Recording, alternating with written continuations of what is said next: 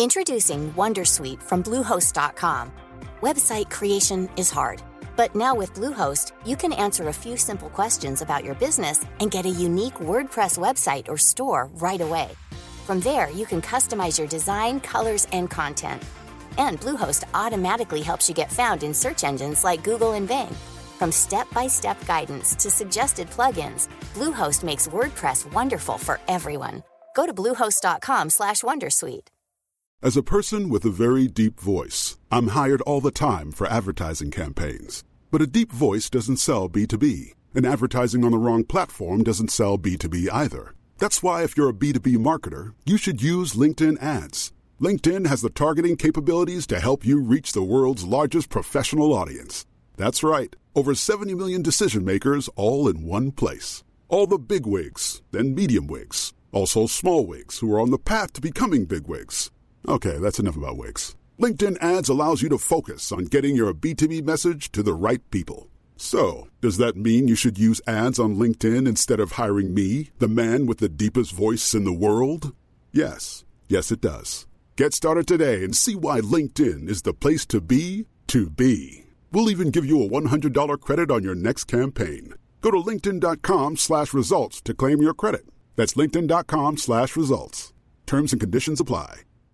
Quality sleep is essential for boosting energy, recovery, and well being. So, take your sleep to the next level with Sleep Number. With a Sleep Number smart bed, you can individualize your comfort level and enjoy a better sleep night after night. JD Power ranks Sleep Number number 1 in customer satisfaction with mattresses purchased in-store. And now the Queen Sleep Number C4 smart bed is only $1,599, a saving of $300, only for a limited time.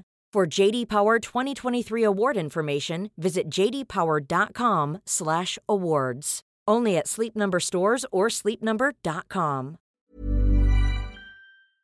Den här veckan presenteras Market Makers av inga mindre än IKEA. Och det här, Fabian, ligger mig varmt om hjärtat. Eh, det var ju några år sedan nu, men då var jag faktiskt med och inredde kontor till företaget jag drev. Men vi, och vi körde faktiskt i princip uteslutande möbler från IKEA, med kök och hela rubbet. Eh, och som nog alla vet, varför väljer man IKEA? Jo, för att det står för hög kvalitet, snygg design och fantastiska priser. Ja, jag sitter i en kontorsstol nu från eh, Ikea och jag vet ju att många finansexperter där ute gillar att köpa de här Herman Miller-stolarna för, och går de för 5 till 10 000.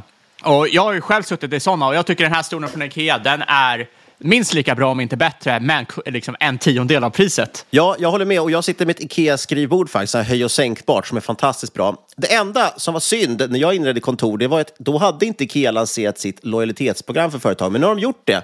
Det heter Ikea Business Network och är man med där så får man helt enkelt massvis av extra erbjudanden och förmåner. Till exempel alla inköp samlade digitalt, en timmes kostnadsfri rådgivare med företagsinredare och tillgång till alla Ikea Family-priser. Ja, och för dig som byggde kök så hade det ju faktiskt blivit ännu billigare idag. För om du går med i Ikea Business Network får du ta del av erbjudanden som ger dig 25% på köksstommar vid köp av ett komplett kök.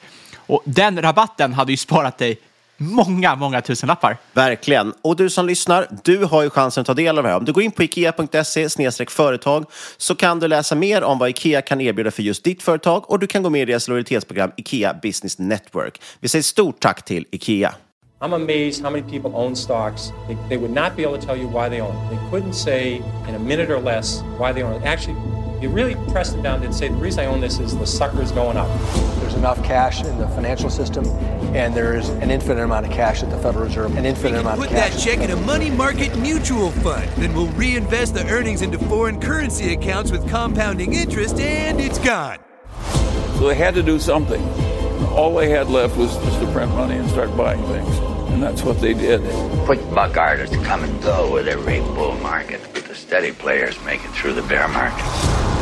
They say money can't buy happiness. Look at the fucking smile on my face. Hej och välkommen till ett nytt avsnitt av Market Makers. Det känns lite ovant va? Det är ovant. Det är fyra veckor sedan vi har spelat in och det har hänt mycket sedan dess. Det kan man säga. Jag har ju haft corona, vilket var jäkligt trevligt. Fick det som en liten julklapp. Och sen har det hänt mycket i världen också. Vi har ju till exempel eh, världens rikaste man, är nu en afrikan.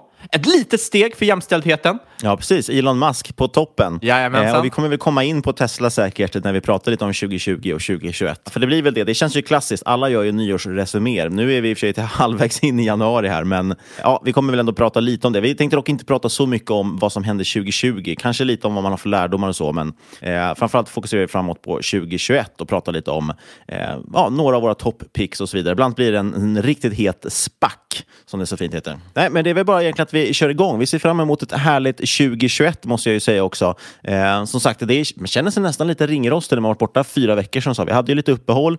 Eh, två veckor var planerat, en extra vecka vart utöver det. Och sen så var ju avsnittet innan det som vi släppte på julafton eh, med den eminente Jack Schwager eh, var ju lite förinspelat någon vecka innan. Sådär. Så det har faktiskt blivit fyra veckor som vi inte har snackat med varandra. Så det känns roligt att komma igång igen. Men som vanligt, det är någonting man ska tänka på när man lyssnar på oss. Vad är det? Jo, ingen rådgivning eller rekommendation sker tydligen i den här podcasten. Vi berättar bara om vår process och hur vi tänker. Gör alltid din egen analys och glöm aldrig att alla investeringar är förknippade med risk. Då så drar vi igång. Jag tänkte, alltså, som sagt, vi brukar ju köra någon slags nyårsavsnitt, men det gör ju alla andra också. Jag tror inte att någon, alltså börsintresset är ju på topp nu, så jag tror inte att någon har missat vad som hände 2020. Eh, så istället för att sammanfatta vad hände 2020 så kan vi väl prata om vad är konsensus? Vad är det alla andra säger om året 2020? Vi vet ju delvis att det har varit en så kallad K-shaped recovery, alltså en återhämtning formad som ett K, det vill säga en del saker har gått väldigt mycket upp och en del saker har gått väldigt mycket ner. Eh, det har varit extremt orättvist eller ojämnt fördelat vilka bolag som har gynnats och inte. Vilket är inte så konstigt för alla har jobbat hemifrån och inte kunnat gå ut på restauranger, så de har missgynnats. Medan techbolagen och Zoom och alltihopa har gått upp så, såklart. Eh, så det är någonting vi har pratat, man har pratat väldigt mycket om. Vi har sett det också med alla de digitala vinnarna. Sen märker man också att börsintresset är verkligen, verkligen på topp. Många drar paralleller, skulle jag säga, till eh, millenniebubblan. Är det något som du minns? Nej, jag var väl Varken av oss var väl inte ens byxmyndiga då, så att, Nej, vi har ju faktiskt... det var svår, svårt att minnas. Vi har inte mycket erfarenhet från den tiden. Eh, men däremot så kan jag tycka att det som eh, det som är lite skillnad nu, som man pratar mycket om, är det en techbubbla eller inte? Är det en, en ny bubbla liksom, liknande den med millenniekrisen? Det som, likheterna som finns, det är väl det här att det är ett stort, stort allmänt intresse för börsen. Vilket såklart är jättekul. Det är bara roligt att det är... Jag såg också att Avanza gick ut häromdagen och sa att nu hade de över 100 000 miljonärer. Så att det är väldigt många som har gjort väldigt bra resultat i år. Många som har blivit miljonärer. Det ser man inte minst på Finanstwitter. Folk som delar eh, hur bra det går för dem. Men det jag tycker är ett stort stort misstag kanske att jämföra med, med dotcom eller millennieskiftet, det är att det är svårt att säga idag, liksom, prata om en techbubbla, för tech är ju så stort idag. Eh, så där tycker jag man gör en stor miss. Eh, och det gör man både från de som försvarar och de som kritiserar, liksom, eller gör jämförelsen. Eh, för att ena sidan säger att ah, men det här är precis som millennie, millennieskiftet, eh, alla techbolag är övervärderade, det kommer krascha. Och den andra sidan säger att nej, nej, det stämmer inte alls. Det finns inga likheter för idag är techbolagen lönsamma. Men problemet är att du kan inte bara klumpa ihop alla bolag som tech, för tech är så pass stort idag. På den tiden fanns det ju tydligt liksom att det var nya internetbolag eh, som verkligen var i en bubbla. Sen var det många av dem som blev lönsamma. Men idag har vi ju allt från världens största liksom, börsnoterade bolag som Amazon, Facebook, Google och så vidare, de här fangbolagen. Ja, de är superlönsamma. De är inte ens särskilt dyra sett till multiplar heller det finns ingen bubbla i dem. Sen kan man tycka att värderingarna är ansträngda, men det är en annan sak. Eh, sen har vi liksom i andra änden av spektrumet har vi de här bolagen eh, som håller på med cleantech och allt vad det är. Vi har Tesla som såklart är superuppmärksammat. Alltså vi har massa sådana bolag där bolag oftast kanske inte ens gör vinst, ibland inte ens har någon omsättning. Ja, och där finns det ju en enorm bubbla. Där finns det jättemycket saker som värderas helt sjukt på absolut ingenting. Det är ju verkligen bara luft i många av de här bolagen. Eh, så det är lite svårt tycker jag att, att prata om en techbubbla när tech har blivit så stort. Det är ju liksom det som dominerar en stor del av världsekonomin. Det är liksom alldeles, alldeles för stort. Det är som att säga att industri är någonting. Det, det liksom går inte att klassificera på det sättet. Det går ju att klumpa ihop dem, men kan inte prata så generellt om det. Jag håller, jag håller 100% med. Jag tror om det är bubbla så är det i vissa enskilda sektorer och vissa enskilda typer av bolag. Bara för att vissa bolag har gått 200 procent i år så betyder inte det helt plötsligt att de är övervärderade. Har de också växt 200 procent fundamentalt, ja, då är de ju samma värdering som de var tidigare. Det, det man däremot som sagt kan göra någon form av parallell mot, det är att riskviljan definitivt är på topp. Alltså folk slänger verkligen in pengar i saker som eh, ja, de gör egentligen ingen research. Vi ser att TikTok har exploderat bland liksom, eh, vad heter det? investeringsrådgivning. Folk sitter och tar aktietips från TikTok, videor där som är liksom Liksom helt... Det är väldigt mycket som är till och med skrattretande. Liksom. Det, det är dumt, man ska inte skratta åt folk som är nybörjare, men när de går ut och proklamerar liksom att det här är en, en ten-bagger och så, så har de inte, vet de inte ens vad, vad bolaget gör för någonting. Ja, det blir lite konstigt och så har de tiotusentals människor som följer efter dem. Så det finns absolut liksom bubblor och jättemycket sånt som beror på den här riskviljan. Men många av dem också belönats i och med att allting bara stiger.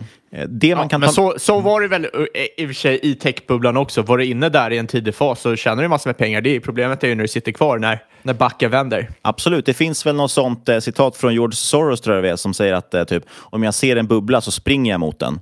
Eh, för att det går att tjäna väldigt, väldigt mycket pengar om du är med i en bubbla också. Det gäller ju bara att, att komma ur hyfsat tidigt i, ur den. Ja, jag, tror, jag tror man borde tänka på två saker. Ett är ju, när det är så många som är intresserade av börsen, då kanske man ska dra öronen till sig. Det kanske är någonting lite läskigt där. Det finns ändå någonting i det Warren Buffett säger att be fearful when others are greedy and be greedy when others are fearful. Det stämmer ju alltid, bara kolla på Mars. Det är där man tjänade de stora pengarna i år. Absolut. De som är, det, det är också intressant, apropå orättvis fördelning mellan vilka bolag som har presterat. Det gäller också investerare. Man ser ju på Twitter nu att folk som har presterat liksom flera hundra procent under året i avkastning. Men man ser också folk som har gått back i år. Eh, och det är ju väldigt, väldigt beroende på hur man hanterar den där kraschen i mars. Där en del då faktiskt sålde på botten eh, och då helt enkelt missade hela återhämtningen. Medan andra hade turen att börja köpa kring botten och då gjorde istället jättefin avkastning eh, och ägde rätt typ av bolag. Men jag tänkte bara några saker om just eh, om, om tech då och eventuella bubblor. Det som, man inte heller får tänka, det som man inte heller får glömma, det är faktiskt lite intressant just med Tesla. Det är ju att om en bubbla också går tillräckligt långt så kan den faktiskt till slut göra att de lyckas bara på grund av att det är så övervärderat. Jag såg nu till exempel att eh, Bank of America, det skrattades lite åt dem för de hade höjt eh, sin riktkurs på Tesla från 500 dollar till 900 dollar per aktie. Eh, och de gjorde det för att priset har gått upp och då skrattar man åt dem att men vad fast ni kan ju inte höja riktkursen bara för att aktien går upp. Eh, ni ska ju liksom basera riktkursen på fundamenta. Men läste man hela, hela analysen så är det faktiskt rätt intressant för det de säger det är ju att ett högre aktiepris innebär att de på lättare då kan ta in kapital, mer kapital till ett bättre pris. För det är ju så när du gör nyemission och tar in nya pengar, ja, då måste du ju sätta priset på den nyemissionen i förhållande till vad aktien faktiskt handlas på marknaden. För att eh, ofta ser man ju någon viss rabatt. Men är aktien då grovt övervärderad, vilket man kan hävda att den är i Tesla, eh, ja då kommer du också kunna ta in, göra, antagligen göra en nyemission som är grovt övervärderad och få in väldigt mycket funding eller få in väldigt mycket kapital och därmed kunna snurra på resan. Så, att, så de har ju helt rätt att eh, har man, det blir liksom en spiral, en positiv spiral uppåt som förstås också kan vända neråt. Men så länge den går uppåt och aktien fortsätter upp, ja då är det klart, då kommer fler vara intresserade av nyemissionen, de kommer vara intresserade till en högre kurs och då får Tesla in mer pengar till ett, ett, liksom ett lägre pris för dem, då, så att säga. Eh, vilket gör att de kan fortsätta sin resa. Så att, så här, Tesla hade kanske inte klarat sig om aktiepriset inte hade stigit så mycket som det gjort. Eh, men i och med att de har gjort det och då kan ta in pengar och fortsätta finansiera resan så kommer de kanske till slut eh, lyckas med det de vill göra. Med det sagt betyder inte det att man kanske ska springa ut och köpa Tesla, men det är väldigt intressant ändå att det faktiskt eh, påverkar. Så det är en grej att ta med sig. Sen tycker jag också att man ska faktiskt inte glömma att just tech generellt, då, eh, speciellt de här bolagen som är lite mer olönsamma, är extremt räntekänsliga. Eh, vi har pratat om det jättemånga gånger i podden att en stor anledning till att många bolag kan strunta i att göra vinst idag eh, och värderas så högt just för att, de, för att de har stark omsättningstillväxt. Det är för att när räntan är låg, då är liksom kapital är billigt, ja, då är också avkastningskraven låga eh, och pengar i framtiden blir mer värda jämfört med, med pengar idag. Eh, så du vill hellre ha ett bolag som har stark tillväxt och kan generera vinst i framtiden än göra vinst idag. Eh, börjar däremot räntorna stiga eh, då kommer det bli jättetydligt vilka bolag som verkligen kan ställa om till lönsamhet och vilka som bara bluffat. Och då tror jag att det är många också bolag som kommer eh, få det väldigt, väldigt, väldigt svettigt. Eller förlåt, ja, både bolagen men framförallt också kanske aktierna kommer gå väldigt, väldigt dåligt. Men vi vet ju inte om räntorna ska stiga och om de gör det, när ska de göra det? Det kan ske om hur många år som helst. Man har ju varnat för inflation, man varnat för stigande räntor liksom sedan åtminstone finanskrisen. Eh, men det kommer ju liksom inte. Och någon, någon gång måste det vända. Någon gång måste vi börja se riktig inflation även i, i eh, ut hos konsumenter. Men när det ska ske, det vet vi inte. Så det är inte så mycket att säga om egentligen. Nej, men absolut. Det är en extrem eh, räntekänslighet i de här bolagen. Men för att spola tillbaka lite där till just techaktierna och hur vi har sett dem uppvärderas. Jag tror också att det är ett generellt sentiment att många av de här bolagen som växer 50, 60, 70, 80, 90 procent, 100 procent per kvartal kanske bör värderas högre än vad de tidigare gjort.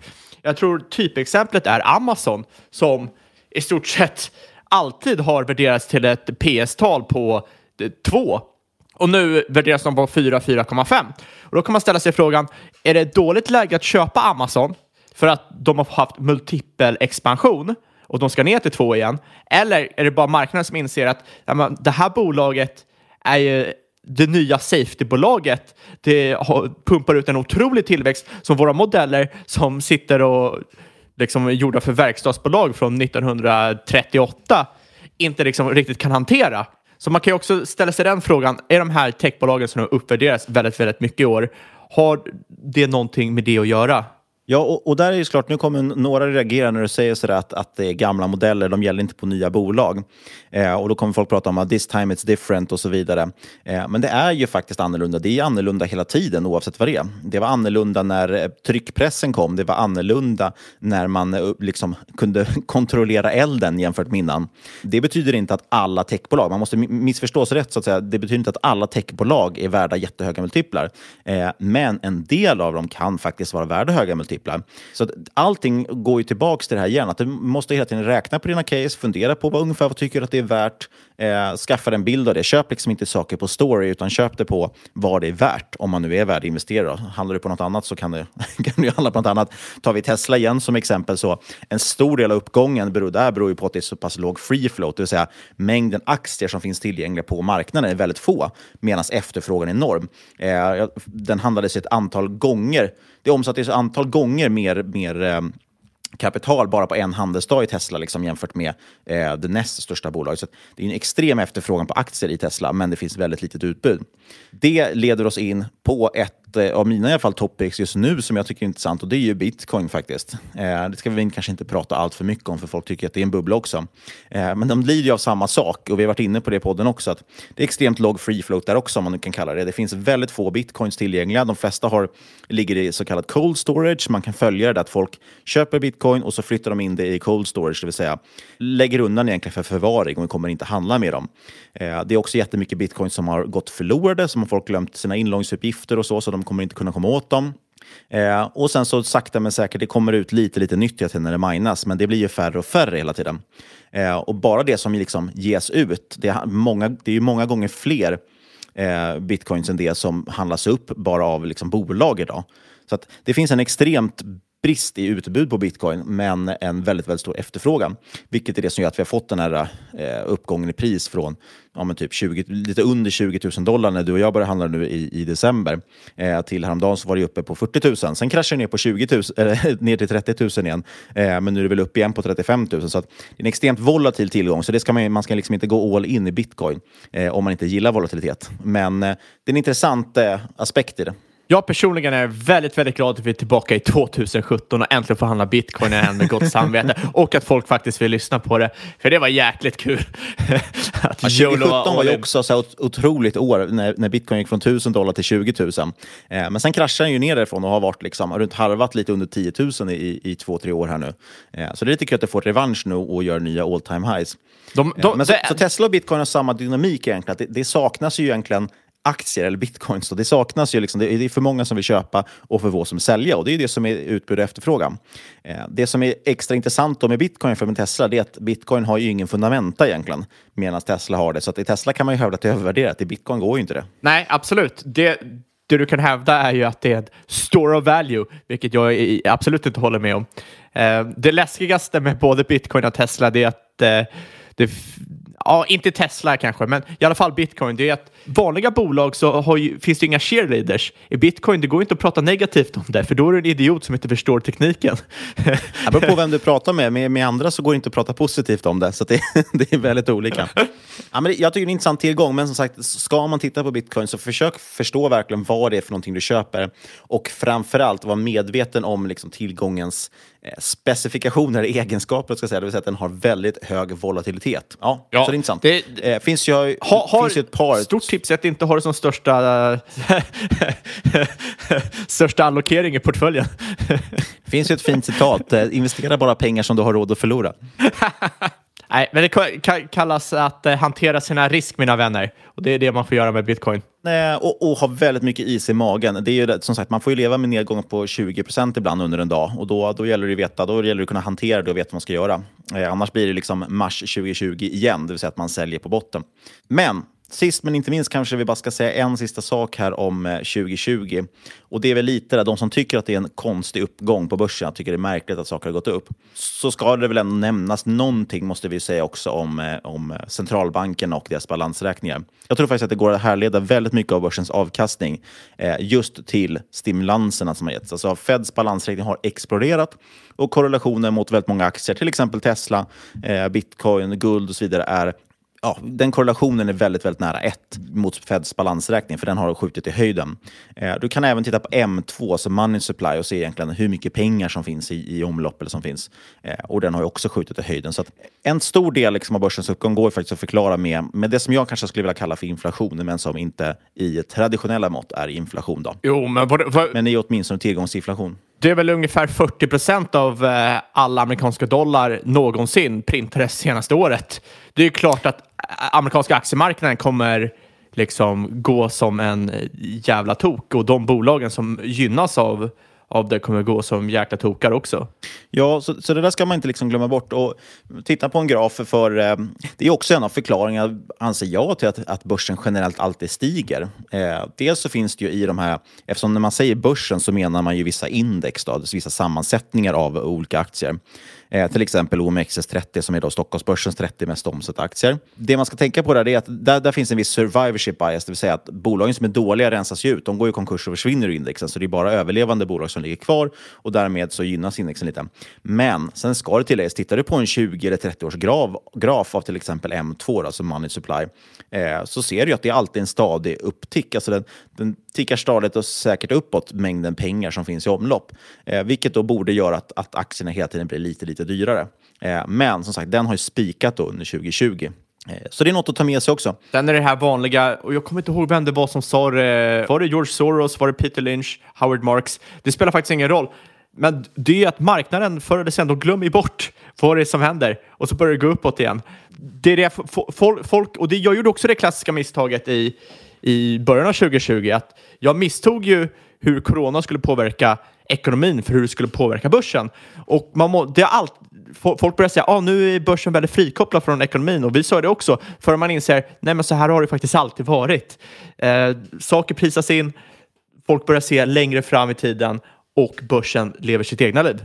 Ja, och man brukar ju prata om att börsen är framåtblickande, att den ligger typ sex månader före ekonomin. Och, och det ligger en viss sanning i det, så börsen börjar ju prisa in saker tidigare än de sker i verkligheten ofta. Eftersom så fort vi vet om att det ska ske så prisar man ju in det.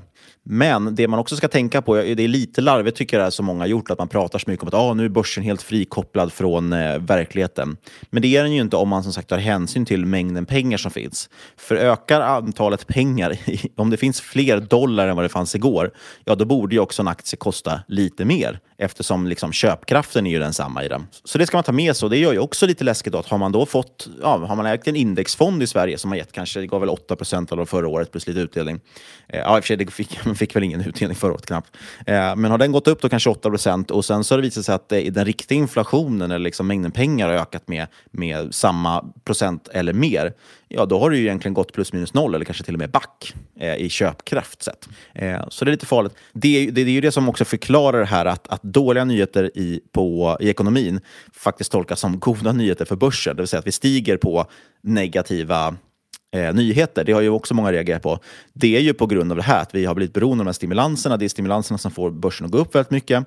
Eh, det betyder att negativa nyheter, till exempel eh, nya lockdowns, ja då vet vi att okay, men då kommer det komma en ny stimuluscheck. Det kommer skickas ut en ny check till alla amerikaner med mer pengar. Nu gick Joe Biden ut häromdagen och sa de har ju fått två checkar i USA nu på 600 dollar styck. Eh, nu sa Joe Biden att 600 dollar räcker inte, vi måste ge 2000 dollar till alla amerikanska familjer. Eh, så nu kommer kanske folk få ännu mer pengar utskickade. Och de ska ju tryckas någonstans. Eh, så, så dåliga nyheter är liksom bra nyheter för börsen. Det som händer nu däremot när vi börjar få ett vaccin som, som håller på att rulla ut för fullt, vilket är väldigt kul, alltså det är ju, det är ju bra nyheter. Eh, men för börsen betyder det plötsligt att, att spelplanen förändras lite grann eh, och vi kanske får mindre stimulanser då. Eh, Jag tycker att man ser det här lite grann i att just FANG-aktien och det här, de här klassiska stora techbolagen, de har ju gått ganska svagt. Det är en av få saker som går rätt svagt nu eh, bland de här techbolagen. Och det tror jag mycket är för att Eh, retail, alltså vanliga privatinvesterare, de har ju lämnat de där bolagen nu. Det var ju liksom, de var ju väldigt heta för några år sedan, då pratade alla bara om FANG. Men nu har folk slutat med indexinvesteringar och ETF och sånt och nu ska man ju liksom ta superrisk för alla tror att de är briljanta stockpickers och köper Tesla och köper alla spackar och allt vad det är för någonting. Så de lämnar ju FANG för högriskcase eh, medan hedgefonder och, och, och, den typen av kapital lämnar ju FANG, eh, FANG-aktierna för att gå mot aktier som nu ska återhämta sig tack vare vaccinet alltså tittar in på industribolagen, klassiska valuebolag och så vidare. Där tror jag de pengarna flödar in istället. Eh, så det är lite intressant att de har blivit eh, lite lägre så här helt plötsligt. Men det kan ju betyda att du kanske kan plocka upp Facebook, eh, Amazon, Netflix, Microsoft, Google och så vidare till lite trevliga multiplar. För det är ju bolag som fortfarande kommer fortsätta ticka på, jag är övertygad om. Framförallt Facebook, Alphabet tycker jag ser otroligt attraktiva ut här. Jag, eh, in, inte för min egna portfölj då, då för att eh, de växer ju inte då 300 procent om året som jag vill att de ska göra. men, eh, nej, men helt ärligt, de är otroligt attraktivt värderade just nu och jag tror att för snittpersonen är det ett väldigt trevligt innehav att ha i portföljen. Ja, jag äger faktiskt lite Facebook eh, för tillfället. Det är ju ett case som väldigt många också duktiga investerare har börjat prata om nu och plockat upp. Eh, för det, det, är ett bolag som ser ganska attraktivt värderat ut också för att det är så pass hatat av många. Men de fortsätter, eller fortsätter ticka på ganska som vanligt ändå. Så de är rätt intressanta. Ett bolag jag kan lyfta här också, som jag inte äger faktiskt, men som jag tittar rätt mycket på. Eh, det är ett bolag som varit med tidigare på den och det är Trip.com. Eh, det här är ett väldigt intressant case. De eh, är framförallt håller på med att förmedla resor och sådana saker online i Kina till stor del. Eh, vi pratade om, det var länge sedan vi pratade om dem, så jag har inte, inte, så aktuell, har inte så aktuell koll på dem längre. Men vi pratade om dem på den tiden de hette C-Trip, alltså C och Trip. Eh, när vi gjorde någon Kina-special för, det måste ha varit två år sedan nu tror jag. men jag såg att Alexander Eliasson på Twitter, som är superduktig, han lyfte upp det här bolaget. de har ju rebrandat sig till Trip.com och de är ju definitivt en vaccinvinnare. Eh, I Kina är ju flygtrafiken tillbaka till tror jag, 97 procent eller något sånt där. Eh, så de börjar ju resa igen och det är väldigt många som har suttit i lockdown som vill ut liksom och, och, och resa nu helt enkelt. Eh, och då är det den typen av bolag som kommer gynnas. Folk kommer boka sina resor på nätet och då gynnas trip.com. Det här bolaget handlas till typ P 20-25 någonstans och har väldigt stabil och trevlig omsättningstillväxt. Så det tror jag kan vara ett väldigt intressant case om man vill spela den ska man säga, återgångstrenden. Ja, allmänt. Jag jag tycker väldigt mycket om kinesiska bolag. Det, väldigt många av dem är otroligt attraktiva ur ett bolagsvinkel, ur företagsvinkel, har extremt intressanta företagsmodeller. Ta till exempel Pinduo Duo, deras group buying tjänst är otroligt intressant, innovativ. Eh, ta någonting som, eh, jag ska inte bara sitta och rabbla om som bolag, i alla fall jättemånga intressanta bolag och de har ju en aktie och en kurs som är otroligt intressant värderad. Så de här bolagen kan plockas upp rätt billigt. Det som jag tycker är rätt läskigt just nu är ju det geopolitiska läget mellan Kina och eh, USA. När man snackar om att avnotera kinesiska ADR och liknande. Mm. Och det, det, finns ju en hel del poänger där, för det har ju skett väldigt mycket bedrägerier. Eh, samtidigt tror jag själva relationerna mellan länderna kommer nog gynnas av att, att Biden tillträder, för han är ju väldigt, betydligt eh, snällare mot Kina. Eh, något annat som vi må, må, ändå måste nämna, vi ska inte gå in på djupet ur, men det är ju också det här med att Jack Ma har försvunnit. Ja, jag har ju hört på omvägar då, då att eh, han har syns till i Kina, men jag kan inte garantera att det här eh, stämmer. Det är från en hemlig källa. Men Jack Ma är ju helt enkelt det var Alibabas eh, tidigare vd och grundare han framförallt. Eh, sen var han väl styrelseordförande, han lämnade över vd-rollen. Eh, han var ju bara helt plötsligt försvunnen efter att han har varit ute och kritiserat Kina och framförallt Kinas banksystem vill jag minnas. Det som framförallt var lite så här, gav riktiga Sovjetvibbar, det var att han brukar ju vara domare i en eh, variant av Draknästet eller Dragons Den som var nere i Afrika. Eh, där brukar han vara domare och helt plötsligt var han inte där. Ingenting sades om det. Alla pratade och låtsades som att han inte fanns. Eh, det visades ingen liksom, bild på honom när man pratade om tidigare avsnitt och sådär. där. så han var helt totalt utraderad ur den historien i det tv-programmet.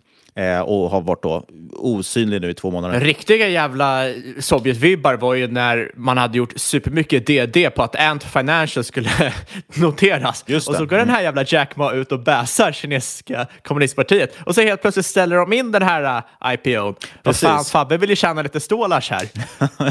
Precis, vi gjorde ju ett avsnitt om Ant Financial och så helt plötsligt så ställer man in noteringen efter han som sagt kritiserat den kinesiska eh, regimen. Och sen försvinner Jack Ma själv också. Så att, ja, det, är väl, det är väl det det som är den stora nackdelen med Kina, att det är ju inte ett eh, demokratiskt land, minst sagt.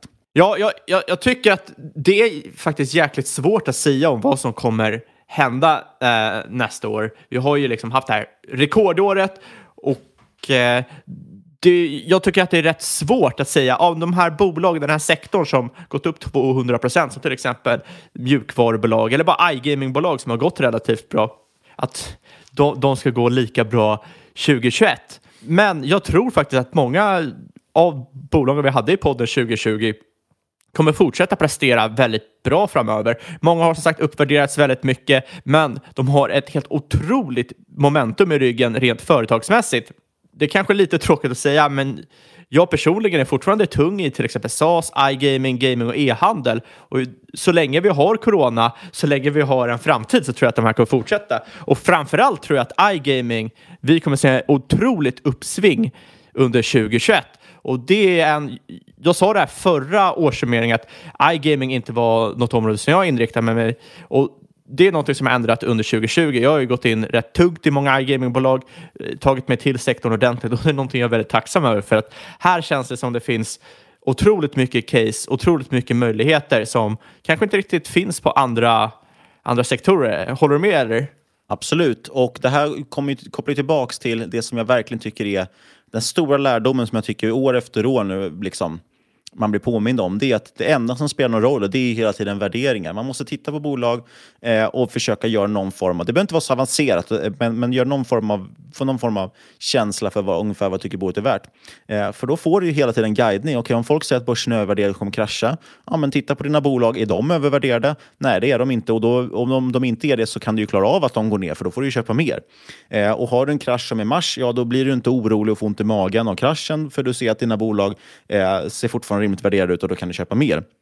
Eh, och det här låter ju, det är väldigt lätt att säga så här i efterhand. Eh, det är svårare att göra när det väl är, men, men det är det enda som kan ge dig någon form av guidning. Om du vet vad du har för strategi, om du vet varför du äger det du äger, eh, så kommer du kunna hantera både upp och nedgångar. Ja, eller och, jag, jag, jag, kan ju säga med facit i hand, jag hanterade ju inte den nedgången särskilt bra med mina jäkla sportsbettingbolag som jag hade. de, de, de åkte ut ur portföljen, vilket i efterhand var men, jävligt dåligt. Ja, fast det är inte så konstigt för att när allting stängs ner, ja, du måste ju också liksom prisa in de här förändringarna. Och eh, får man reda på att all sport kommer ställas in, ja, då är det inte, då är det inte jättesugn på att äga ett bolag som håller på med sportsbetting. Just iGaming för övrigt, om, om det är någon som är osäker på det, det, det är ju de här bettingbolagen och online-kasinon och så vidare. Eh, så det är inte samma sak som gaming. De har i alla fall varit den typen av bolag som vi har sett har jättefina tillväxttal, men ganska låga värderingar generellt. Och det är mycket på grund av de här ESG-flödena. Fonder och så vidare vill inte äga de här bolagen för att de tycker fula. Till och med sett nu några banker som har börjat neka konton till vissa sådana här bolag också. Ja, det där är helt sjukt. Så att det, de är väldigt liksom ratade, men de, gör väl, de har väldigt fin lönsamhet och det har ju bara blivit bättre när saker har gått mot online. Då har vi några två framförallt skulle jag säga otroliga bolag i Sverige. Vi har både Kambi, och de gjorde en omvänd vinstvarning nyligen.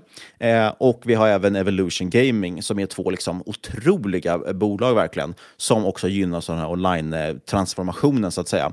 Eh, så att vi har massa spännande bolag i den här. Det jag tyckte var kul är att nu känns det verkligen som att det här börjar få, få vad säger man, skörda frukterna också. Alltså, för tidigare har det varit så, vissa av de här bolagen, som Kindred till exempel, har ju bara tryckts ner, tryckts ner, tryckts ner. Eh, och folk har tjatat om att det är billigt hela tiden, men det händer ingenting. Men nu som sagt, Kambi först omvänd vinstvarning. Sen kom Kindred omvänd vinstvarning. Allt det här inom i princip en vecka. Och något jag tycker här verkligen visar det är ju hur många jäkla duktiga människor det finns ändå på finanstwitter. Eh, det var flera stycken som sa att okej, okay, men nu har Kambi gjort omvänd vinstvarning, det vill säga sagt att de kommer slå alla slå förväntningarna. Eh, så var det flera stycken som gick ut och sa att okej, okay, då är ju Kindred nästa också. Eh, bland annat så att eh, Edvin Malmgård som är en riktigt, riktigt bra följerek på Twitter. Eh, han sa ju till och med det, liksom, han missade med fyra dagar tror jag, eller någonting någonting, den där omvända vinstvarningen Kindred. Eh, men han gick ut och sa att då kommer Kindred vara nästa. De gjorde i alla fall omvänd vinstvarning, så de har ju nu liksom justerats upp. Trots det gick Kindred inte upp så mycket, så den är fortfarande väldigt billig faktiskt. Eh, trots en omvänd vinstvarning. Och det visar ju bara vilket stort säljtryck det är i den för att folk vill ut. Eh, och sen så nu bara häromdagen så var det ju Evo då, Evolution Gamings konkurrent Playtech gjorde en omvänd vinstvarning, vilket både är gott för Evolution. Men i Evolutions fall, å andra sidan, så är förväntningarna väldigt mycket högre än på de andra bolagen. Så väldigt roligt. Både Kambi äger vi och eh, Evolution. Jag tror inte, vet äger du Kindred också? Eller? Det gör inte jag. Nej, jag äger inte Kindred. Jag äger Kambi och Evolution. Det är mina stora iGaming-bet. Tänk ändå, det är bra att vi nämner, för vi kommer glömma sen i, i slutet och komma ihåg vilka bolag vi äger och inte. Så det är bra att nämna. Ja, men så det, det finns väldigt mycket spännande och något som är kul, som vi pratade lite om innan vi slog igång inspelning här, det är ju vad skillnaden kan vara från, mellan år till år. 2019 kände både du och jag att vi hade väldigt lite inspiration och hittade väldigt lite case generellt. Och 2020 känns det som att eh, vi hade behövt släppa dubbelt så många podcastavsnitt om vi skulle vilja fått med alla case som vi hittat. Det finns väldigt mycket spännande bolag faktiskt. Eh, jag har bland annat tankar på att vi borde göra någon form av cloud gaming-avsnitt eh, här nu efter att ha kört mycket Google Stadia som är helt otroligt. Eh, jag tänker också att vi kanske ska prata om drönare något avsnitt. Det var nämligen en norsk IPO här av Nordic Unmanned som jag tog eh, position i som har varit jätte, jätteintressant också som håller på med drönare. Vad hette eh, det Linköpingsbolaget som höll på med drönare? Nej, du, eller ja, Remotely Piloted Helicopters, Cybero. Ja, just det. De har ju gått i konken. så ja, hoppas det, ditt bolag går bättre. ja, Nordic Unmanned faktiskt, vi ska ta upp det i något avsnitt. Det är väldigt intressant. Där kan man dessutom, där är redan eh, orderboken är redan färdig i princip, så att du kan liksom räkna på det. Lite liknande samma grej som i, i Smart Eye som håller på med helt andra grejer. De håller på med säkerhet inom bilar och, och vad heter det? Kör eye tracking för att se om du är, så att du faktiskt kollar på vägen och att du inte är full och sådana saker. Eh, också jätteintressant case just för att man kan redan nu kan man i princip räkna fram ganska exakt vilka intäkter de kommer ha och, och då bestämma om sig för om det är billigt eller inte. Eh, så jag vet inte, jag tycker att även om det kommer mycket skräp till börsen alltså, så, så är det också väldigt mycket intressant som kommer. Eh, inte minst alla de här norska bolagen vi pratade om också i, i under året med Sesam och vi hade eh, Patient Sky och så vidare. och så vidare. Så jag tycker ändå att det är en rolig marknad, även om man eh, kan liksom bli skrämd ibland av att det går så fort, så är det en rolig marknad måste jag ändå säga. Eh, tyvärr är ju verkligheten då med corona och allting inte lika rolig, men nu börjar det ljusna i alla fall. Äh, det spelar ingen roll när man ändå sitter framför datorn 16 timmar om dagen. Exakt, eller framför Google Stadia. Då. eh, med det sagt, det sista vi ska ta upp här, vi ska djupdyka ändå lite grann i ett case. Eh, och det är ju för att 2020 om någonting var ju the year of the SPAC, det vill säga Special Purpose Acquisition Company. Eh, de här omvända eh, förvärven, eller vad vi ska kalla det för. Vi har ju gjort, pratat om det tidigare i ett avsnitt. Mängden pengar som har satts in i SPACs är ju, har ju mång, mångdubblats. Eh, det har varit en helt otrolig utveckling och det känns som att det tar över liksom IPOs eh, IPO-rollen lite grann. Och 2021 tror vi inte kommer bli någon förändring, snarare tvärtom. Det kommer vara ännu mer SPAC. SPAC är liksom den nya, ja, det till, tillåter ju många bolag att eh, börja tänka på att börsnotera sig mycket, mycket tidigare än vad de gjort tidigare. Eftersom det förenklar hela processen. Och eh, ja, så, som du säger Niklas, jag tror ju att 2021, det kommer verkligen om 2020 göd och SPAX, då kommer 2021 vara God of the SPAX eller någonting. Jag tror bara att det här kommer fortsätta. Verkligen. Det man ska ta med sig innan vi hoppar in, vi ska prata om OAC, heter det bolaget, Oak Tree Acquisition.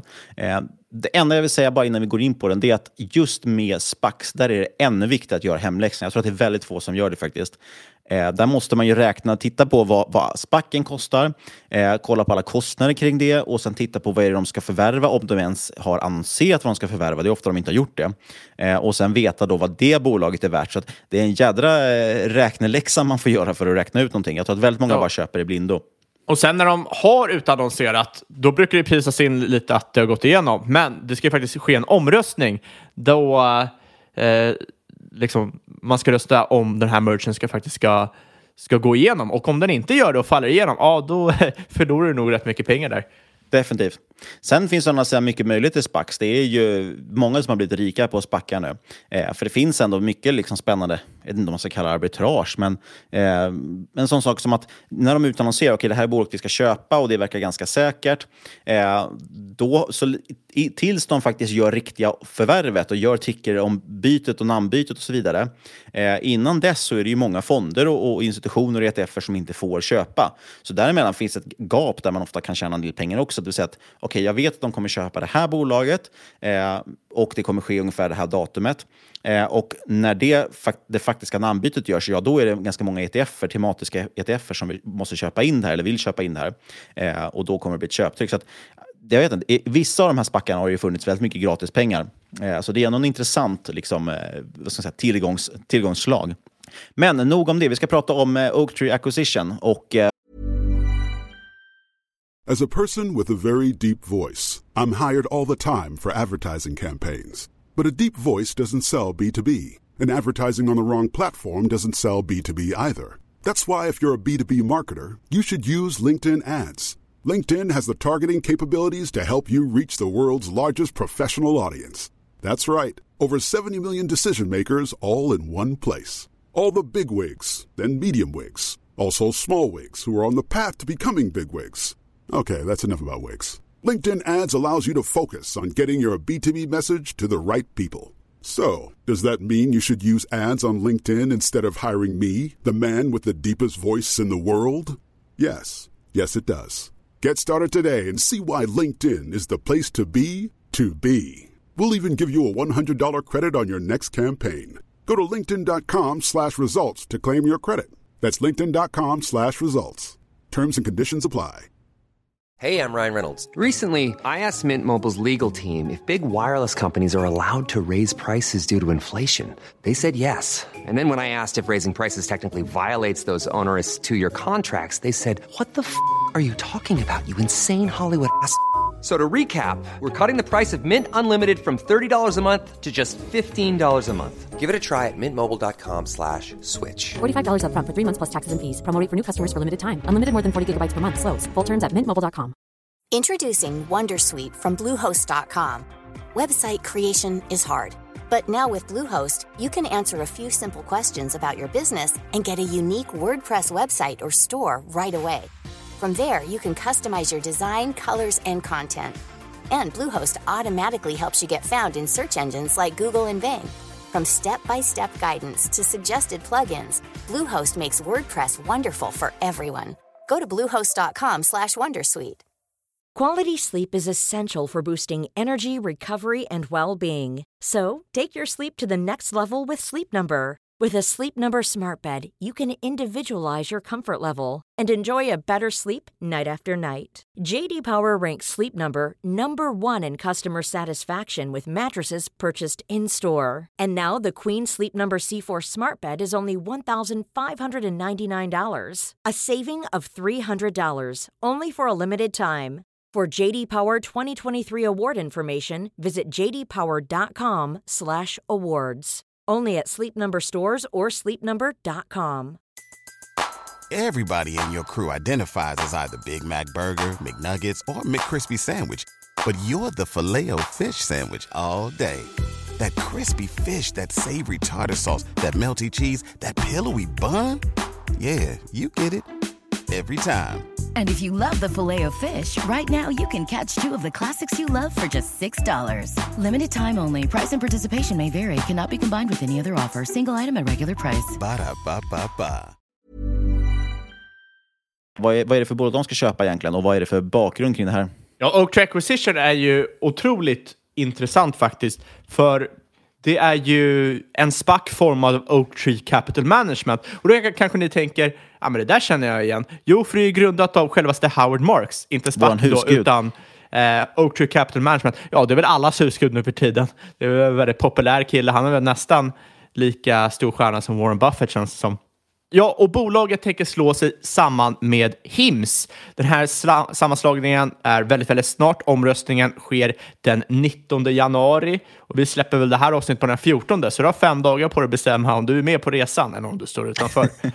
jag, tror för, jag tror faktiskt att många lyssnare på podden har hört talas om OAC redan. Den här spacken är otroligt populär på Avanza och på svenska finansvetare, över 3000 ägare. Och jag hade gärna haft med det här tidigare, men vi har ju, vi har ju haft uppehållet typ tusen veckor nu. Så att vi, eh, det kanske inte är lika klockrent case som det var i december, men vad fan, Bättre vi måste ha med det här. Exakt, det är fortfarande väldigt intressant tycker jag.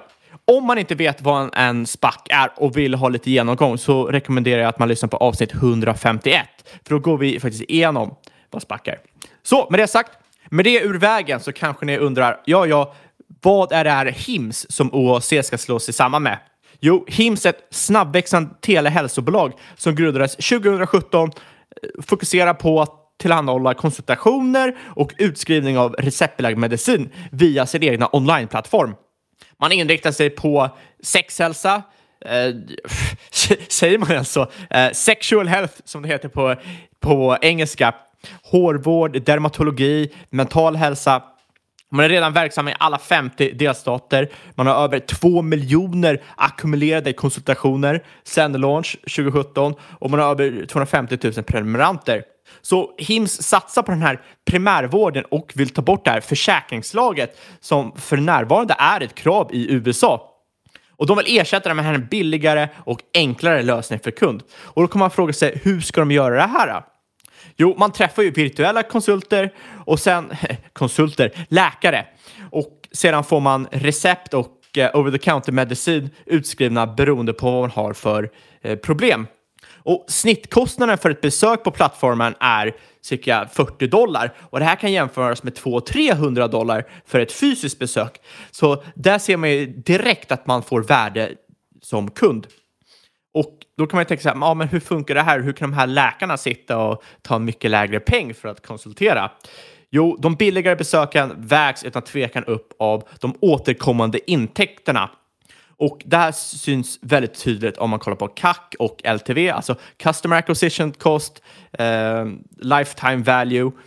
Och CAC det vill säga vad det kostar att ta in en kund, det är ju customer acquisition cost och Yes. lifetime value är vad kunden kommer att vara värd, det vill säga hur många månader stannar den och så gånger du det med månadsintäkten i princip. Exakt hur mycket pengar liksom kunden drar in. CAC har alltså minskat över tid allt eftersom lifetime value ökat. Och det här är exakt det man vill se, se i ett företag. Det är väl eh, samma sak man vill se med olika typer av marginalexpansioner också. För det här tyder det på... är inte så konstigt med tanke på att när det kommer en sån här tjänst så är det många som kommer vara tveksamma i början, så du måste lägga mycket pengar på att få in kunderna. När de väl kommer in och det är en bra tjänst, ja då kommer du behöva betala mindre och mindre för varje ny kund för att de tipsar ju varandra istället. Och värdet på kunderna ökar för du ser att fler och fler stannar. Så att, eh, jag skulle säga att det är väldigt bra tecken på, på det här bolaget. Absolut. Eh, Tyder liksom stark tydan på extremt starka unit economics. Och det intressanta är att man har faktiskt tre gånger LTV per CAC. Alltså, du får ut tre gånger så mycket lifetime value från en kund som du har betalt för att få in kunden. Och CAC ligger nu på 110 dollar, så du får lite över 300 dollar per kund i lifetime value. Det som är intressant här är att i andra hur säger man? I andra halvåret 2018 så var CAC 161 dollar. Det här har nu minskat till 110 dollar per Q2 2020. Så det är bara dalar ner. Och som vi sa i ett eh, tidigare avsnitt, avsnitt 156 om jag inte missminner mig med Teladoc, så är det här en väldigt stor marknad, väldigt stor potential, sjukvårdsmarknaden i USA. Multibiljonmarknad, ripe for destruction. eh, disruption och eh, e-hälsoplattformarna har utan tvekan gynnats av corona och kommer troligtvis göra det framöver eh, också. Bolaget har inte bara växt snabbt utan har också haft en otroligt fin marginalexpansion. Varför vad är bättre än att bolaget växer omsättningen och växer marginalerna? Bruttomarginalen första kvartalet 2019 låg på cirka 40 procent. Inte superimponerande kan man tycka, men per Q3 2020 ligger den på 76 procent. Det är helt galet. Men inte bara har bruttomarginalen förbättrats. Under samma tidsperiod så såg man också att ebitda-marginalen gick från minus 94 procent till plus 10 procent. Alltså att de visar lönsamhet på mindre än 3-4 år. Och det är faktiskt ingen annan av de här telehälsobolagen som uppvisar samma typ av eh, lönsamhet, vilket är otroligt imponerande tycker jag. Rent allmänt så kan man ju eh, poängtera att den här tillväxten är helt otrolig i det här bolaget. Eh, Hims drog alltså in 27 miljoner dollar 2018, 83 miljoner 2019, 138 miljoner eh, året efter 2020. Alltså. Det här är ett kagge på 128 procent. Helt, helt otroligt. Väldigt kort tidsserie dock, med tanke på att vi bara har tre år att titta på. Eh, så det ska ju klart att så att det kommer här... Eh, den här kommer antagligen krympa med tid. Det kommer Eh, utan men sen tvekan som du var krympa. inne på så är det en stor marknad och har man bra lönsamhet och, och god tillgång på kapital så finns det ju förvärvsmöjligheter, vilket vi kommer komma in på. Abs- absolut, jag hå- håll, håller med 100 procent där. Men jag tycker om när ett bolag har lite krut i rumpan från start. Kan ju tilläggas att eh, även Hims gillar ju när kunderna har lite krut i rumpan, för det är ju någonting jag antar att de tar sig an. 91 procent av intäkter kommer från online-prenumerationer och av totala intäkter kommer 83 procent från receptbelagda läkemedel. Och average order value, alltså snittkostnaden per, eller snittordervärdet per kund, ligger på 59 dollar. Det här växer också otroligt bra, kagge på cirka 60 procent sen eh, man grundade bolaget. Och den här SPAC-dealen då, det kommer injicera bolaget med 280 miljoner i ren cash. Och det som är jätteintressant är att i stort sett Eh, hela bolaget kommer fortsätta ägas av nuvarande ägare. Det är inte som med många andra spackar att de säljer ut sitt ägande och drar därifrån, utan de är kvar och, och fortsätter driva bolaget. Jag ska prata lite, ska prata lite senare om varför det är viktigt och varför det är intressant. Men då kan man ju ställa sig frågan, vad är skillnaden mot konkurrenterna? Varför skulle man vilja äga Hims framför till exempel Teladoc? Och skillnaden mot till exempel Teladoc är att medan Teladoc satsar lite på att vara bryggan mellan konsumenten, alltså du, jag eller Niklas, och försäkringsplanen eh, för de stora företagen, så vill Hims ha den här direktrelationen för patienter eh, för saker som normalt inte täcks av försäkring. Och sen satsar de att på, på att förlänga den här relationen med till exempel utskrifter av recept så att konsumenten återkommer. Hims är alltså business to consumer medan Teladoc är lite mer av en business to business to consumer-företag. Med det sagt, det betyder inte att de här inte kommer gå in mer i varandra framöver, men det här är ju nuläget. Dessutom satsar ju Hims mycket på stigmatiserade problem, mycket pinsamma problem. Eh, 57 procent av intäkterna kommer från sexuell hälsa, det vill säga sjukdomar och problem som många kunder inte är bekväma att uppsöka en läkare med i person, utan kanske mer bekväma att prata över telefon, prata över online. Till exempel erektionsproblem. Niklas, du kanske kan berätta lite hur det är och Ja, det kan vara ett, stort problem för många. Jag tror att det tipset man kan ha där, det är att det gäller ju att vara ståndaktig liksom och ta sig igenom det bara. Man, man kan ju tänka sig för övrigt att eh, den här typen av problem är väldigt bra för, då säger vi, eh, Skype-doktorer eller Zoom-doktorer, alltså det sätt man tar över telefon, eh, eftersom det är lite mer pinsamma problem så att säga. Dessutom är ju redan många män eh, tränade i att skicka dickpics. Så det, det, det är många som är redan vana vid modellen också, tänker jag. Absolut. Sen är det också så här, äh, Hims inriktar sig mycket på mentala problem, ångest, depression. Och det är faktiskt fortfarande ett väldigt stort problem i samhället, väldigt stigmatiserat och folk vill helt enkelt inte gå och prata med en annan person eh, i person fysiskt, utan föredrar faktiskt att ta det här över telefon. Troligtvis en av de största och absolut viktigaste punkterna vad Hims gör till skillnad mot konkurrenterna som jag tycker är otroligt intressant, det är Hims närvaro inom social media. Och det här tycker jag det blåser bort alla konkurrenter. De har cirka 100 000 följare på Instagram. De har blandat memes med bilder på sina estetiskt tilltalande förpackningar. Och så gör man väldigt många strategiska samarbeten med till exempel eh, Jennifer Lopez, du har eh, Kylie Jenner som är eh, känd från Kardashians. Och eh, att ha en stor följning via social media tror jag fortfarande är så galet underskattat. Det är bara att kolla på Penn och Barstool Sports och Dave Portnoy som eh, vi har ju tagit på upp eh, otroligt många gånger. Men hur mycket Penn har gynnats av att köpa upp Barstool och ha den här social media-närvaron. Eh, jag tror faktiskt att det här fortsatt är väldigt underskattat av många investerare. För det här leder till eh, extremt bra marknadsföring, extremt stark nätverkseffekt. Jag tycker man kan jämföra de här 100 000 då mot till exempel Teladocs 4 000 följare. Det är ju en väldigt stor skillnad på online presence. Och eh, det handlar också om en helt annan typ av brand awareness. Jag menar, ska, ska du söka upp någon om dina erektionsproblem, ja då kanske du vet om eh, Hims i en annan skala än andra typer av eh, liksom, märken eller företag. Och det här över tid gör det rimligt att anta att eh, det här kommer boosta Hims online engagement otroligt, för det här blir ju en flywheel som fortsätter att ge. Framförallt eftersom en majoritet av kunderna är millennials. Så jag så tror, tycker jag att det är otroligt intelligent att satsa på den här typen av tillväxtstrategi med user-generated content, eh, den här typen av brand awareness. Eh, för det ger ju faktiskt snabb tillväxt och det hjälper faktiskt till att få en lägre kack. Ja, och sen måste man ju ändå närma värderingen, för det är lite av varför det här, den här spacken har blivit en snackis. Det är att Hims har varit otroligt lägre värderad än eh, Pierce. Såg ju när de disclosade den här eh, mergen eller dealen då att eh, Hims och Hers värderades på en eh, EV revenue om kring 9 medan Peer Group låg på cirka 18. Det ska dock nämnas att eh, OAC har ju gått upp lite sedan dess, gått upp cirka 50 procent sedan början på december. Så den här uh, värderingen, det här värderingsarbitraget är inte lika intressant längre. Men jag tror fortfarande att framtiden för Hims är väldigt intressant. Man spår en tillväxt om 30 procent under 2021, 2022 med en bruttomarginal på cirka 73-75 procent.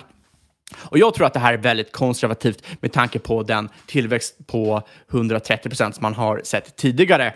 Så det är väldigt intressant med lägre värderat bolag där man har en väldigt konservativ ledning.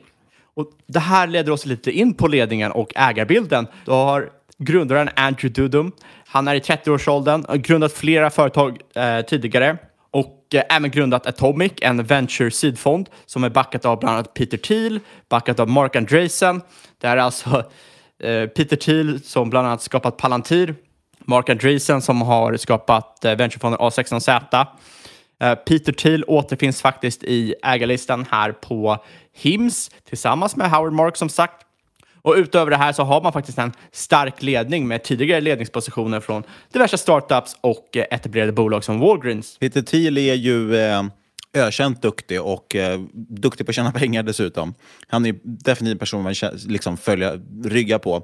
Eh, men det som framförallt tycker jag är kvalitetsstämpeln är ju Howard Marks. För att han är ju en kille som, som har vikt sitt liv åt värderingar och risktagande, eller inte risktagande utan att värdera risker och att ta låga risker.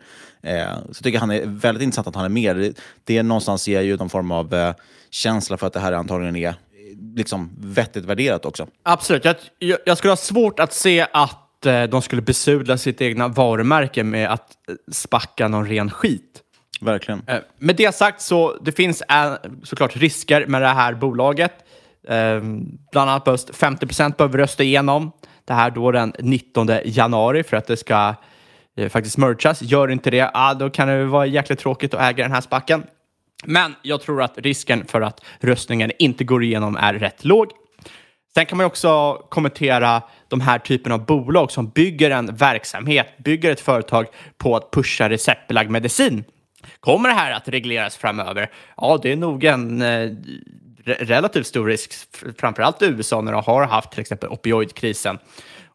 Eh, jag tror faktiskt det är någonting man ska ta till sig, man ska tänka på, speciellt nu när Biden kliver in, som man skulle kunna tänka sig kanske pusha för det här framöver.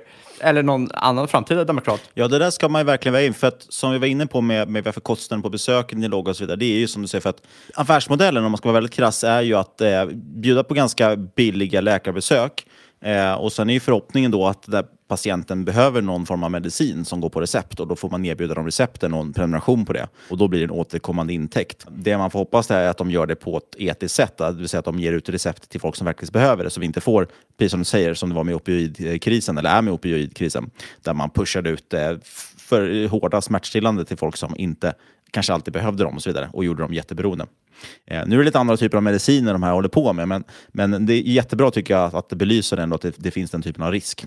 Absolut. Sen, sen tror jag också som i avsnittet med Teladoc så nämnde vi att eh, ja, det finns ju inte så mycket vallgrav och konkurrensfördel i själva tekniken för bolag. Det är rätt lätt att starta upp en så här typ av företag. Det är snarare nätverket, vi kunder och supplykedjan som är vallgraven snarare än tekniken i sig. Men det är kanske inte så mycket av en risk, förutom det att man kanske måste förstå sig på det. Så hur sammanfattar det här caset då? Ett kanske inte billigt värderat, men vettigt värderat e-hälsobolag. I, I alla fall jämfört med Peers. En väldigt intressant nisch med stark tillväxt, lönsamhet, eh, otroligt intressant ägarbild som är i ett väldigt tidigt stadium för en väldigt expanderande marknad. Väldigt starkt expanderande marknad säger man ju. Och då var vi igång. Härligt. Vi har fått en liten sammanfattning av 2020, vi har fått en framåtblick på 2021 och till och med fått med ett case här också. Det känns skönt att, vara, att vi är igång igen och nu rullar det på som vanligt här. Ja, Eh, li- lite ringrostigt kanske, men eh, ja, det är så det får vara. Stappla sig Ja, fram. det var nog mest du. Jag tycker att jag var väldigt bra faktiskt. och fortsatt ödmjuk. Men innan vi rundar av så ska vi förstås nämna vår vanliga disclaimer och dessutom faktiskt säga det också. Vi försökte ju nämna det lite löpande i, i avsnittet här, vad vi äger och inte. Eh, och då ska vi såklart tillägga att både du och jag äger eh, aktier i OAC. Sen ska ni komma ihåg att inget av den här podcasten ska ses som rådgivning. Alla åsikter på egna eller vår gäst och eventuella sponsorer tar inget som helst ansvar för det som sägs i podden. Tänk på att alla investeringar förknippade med risk och sker under eget ansvar. Om du inte har något eget ansvar så kan du kontakta oss på podcast.marketmakers.se eller på Twitter at marketmakerspod där du kan gå in och följa oss så vi får fler följare och folk tror att vi är populära och coola för det var vi inte på gymnasiet. Sist men absolut inte minst vill vi förstås säga ett stort, stort tack för att du lyssnar både 2020 och förhoppningsvis fortsatt 2021. Vi hörs igen om en vecka.